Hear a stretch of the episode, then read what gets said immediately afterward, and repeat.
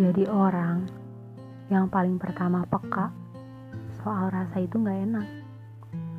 Mau bilang takut gak dipercaya, mau bungkam terus, tapi hati tetap gak nerima.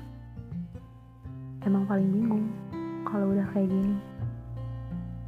Bertahun-tahun menjalani hal di bawah tekanan secara sadar, dengan harapan akan ada hasil yang lebih baik.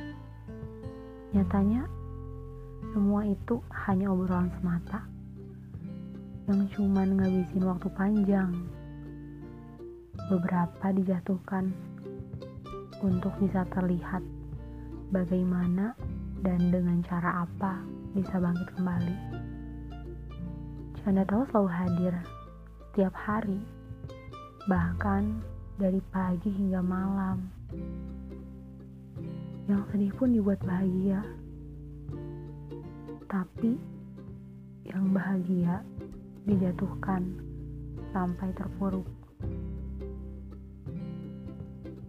Katanya biar bisa lebih baik lagi. Berkelana bersama dengan tujuan untuk mencari pengalaman, untuk bisa berhasil, dan jadi lebih dewasa. Semua yang dikatakannya selalu benar, apa pun itu, dan langsung diikuti, tanpa pernah dipikirkan kembali. Aneh memang, entah sudah dicuci otak atau seperti apa, sampai-sampai bisa mengubah pola pikir yang pokoknya harus mendapatkan bagaimanapun caranya. Rasanya capek menjalani siklus yang isinya cuma canda tawa nggak jelas. Ngobrol sana sini kadang juga mempelajari beberapa hal yang sebenarnya nggak usah sih.